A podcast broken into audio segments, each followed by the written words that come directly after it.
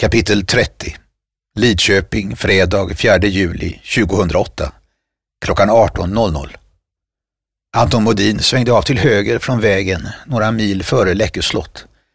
Färden gick på en smal asfalterad väg till gården där Gunnar Andersson bodde. Philipssons sätt att läcka information var diskret. Han gav inga ledtrådar.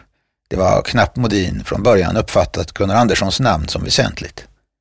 Sedan hade han fått läsa X-ärendet, kanske det hemligaste spionärendet i det svenska kontraspionagets historia. Svårt att tänka sig något värre, tänkte Modin. En spionring inom underrättelsetjänsten och FRA. Snacka om att infiltrera ett land fullständigt, de två känsligaste avdelningarna inom det svenska totalförsvaret. Han funderade en stund på vems uppdrag Philipsson läckt informationen. Knappast regeringens. Gunnar Andersson hörde ihop med Försvarets radioanstalt, FRA, och Modins känsla var att Anderssons erfarenheter kunde användas som ammunition mot sektionen för särskild inhämtning, Chris Loklints avdelning. SSI bestod inte enbart av militärer utan också av civilanställda som var handplockad personal från Säpo och personer med rätt politisk bakgrund. Förhållandet var en tredjedel militärer, en tredjedel poliser och den sista tredjedelen bestod av civila. Den största uppdragsgivare var regeringen. Förmodligen hade SSI direktlinje till statsministern, gissade Modin, samtidigt som han såg gården han skulle till på vänster sida. Vilken kategori Gunnar Andersson tillhört återstod att se. Anderssons gård och boningshus låg strategiskt på en kulle med ett berg och tät skog bakom och öppna fält framför. Här vore det svårt att smyga sig på utan att bli sedd inifrån huset, tänkte Modin och stängde av motorn. Han vände sig om för att se om någon följde efter. Inte en själ. Han kände sig nöjd och öppnade bildörren, men satt kvar och väntade. Han drog in den rena luften genom sin ömma näsa. Det luktade skog och gröna ängar. Huset såg ut att vara från 1800-talet med vit lockpanel och vinröda fönsterbågar. Fönsterfodren var målade i samma kulör som väggpanelen. På taket låg det gamla lertegelpannor och huset hade en skorsten i rött tegel. Han såg att husets underhåll var eftersatt. Andersson börjar bli gammal, tänkte han då dörren öppnades. Det var en gråhårig man i 80-årsåldern som kom ut på farstukvisten.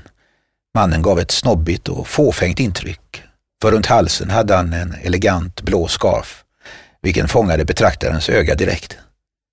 Han var även för övrigt välklädd i en vit tröja med stora blå rutor och en halvlång mörkblå vindjacka med ljusgröna inslag. Han passade inte riktigt in i den för övrigt lantliga omgivningen med sitt världsvana sätt. Modin uppfattade mannens längd till dryga 180 centimeter, men eftersom han gick framåtböjd såg han kortare ut. Modin lade märke till hans skarpa misstänksamma blick, käppen som han hade i vänster hand och hältan. Han tänkte att mannen mycket väl kunde ha gett samma intryck av viril vaksamhet på 50-talet då han med egen nyckel hade nonchalerat städerskan i Wennerströms hus. Modin stängde igen bildörren försiktigt och mötte mannens frågande blick. Gunnar Andersson, sa Anton Modin. Ja, det är jag. Vem är du? Jag heter Anton Modin. Jag skulle vilja ställa några frågor om DC3. Har du tid? Jaså, Modin. Jag har läst en del om dig. Jag trodde nog att du skulle komma förbi en dag, men inte att det skulle ta så här lång tid. Hur menar du då? sa Modin förvånat. Jag arbetade med DC-3-flygningarna och var den som tog hand om undersökningen på flygstaben efter nedskjutningen. Du borde ha sökt upp mig tidigare. En viss eh, Chris Loklind på SSI har sagt att eh, du inte hade något att tillföra utredningen om DC-3, sa Anton Modin syrligt. Stämmer det? Chris Loklint var här för inte så länge sedan. Kom med in, jag bjuder på kaffe. Anton Modin följde med in genom hallen till köket där Andersson började rumstera om med en kaffekittel och en bricka. Gå vidare du, sa han och pekade. Modin fortsatte genom ett matrum och satte sig i soffan i storstugan. Inredningen var genuint 50-tal. Det var murrigt men ändå charmigt. Tavlor täckte i stort sett all väggyta och på golvet låg hemvävda trasmattor. På dem stod spretiga 50-talsmöbler. de flesta täckta med olika tyger och överkast. Det luktade svagt av mögel. Mitt i rummet stod ett runt bord med en virkad duk, en lampa med vit veckad lampskärm som börjat gulna. Märkliga med lampan, tyckte Modin, var att den hade en rörelsedetektor kopplad till sig som tände den när han kom in i rummet. Rörelsedetektorn passade inte riktigt in i den för övrigt omoderna miljön. Det gjorde däremot en kommunikationsradioutrustning som var det mest iögonfallande i rummet. Den såg ut att delvis vara från 50-talet.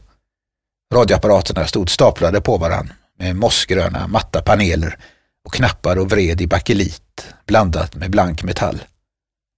Vad är det här för utrustning Gunnar? sa Modin till Andersson som kom med en kaffebricka.